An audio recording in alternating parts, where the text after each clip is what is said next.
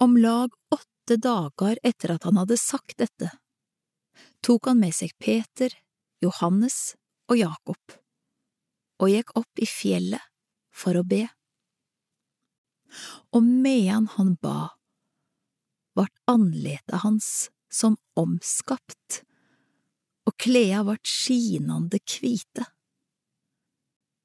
Med eit sto to menn og snakka med han.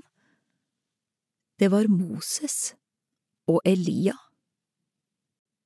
De synte seg i herlegdom og tala om den utgangen livet han skulle få, om det han skulle fullføre i Jerusalem.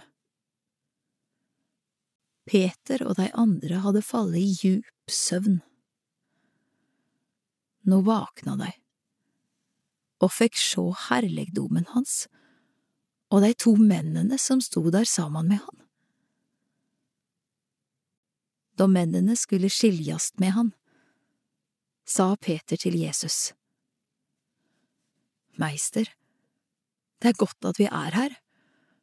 Lat oss bygge tre hytter, ei til deg, ei til Moses og ei til Elia. Han visste ikke sjølv hva han sa.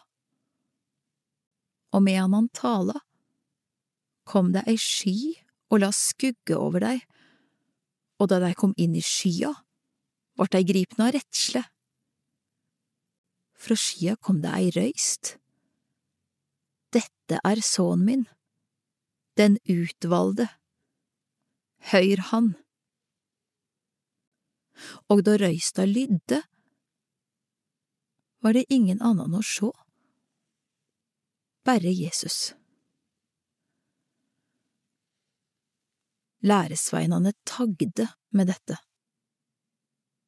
Og de fortalde i de dagene ikke til noen det de hadde sett.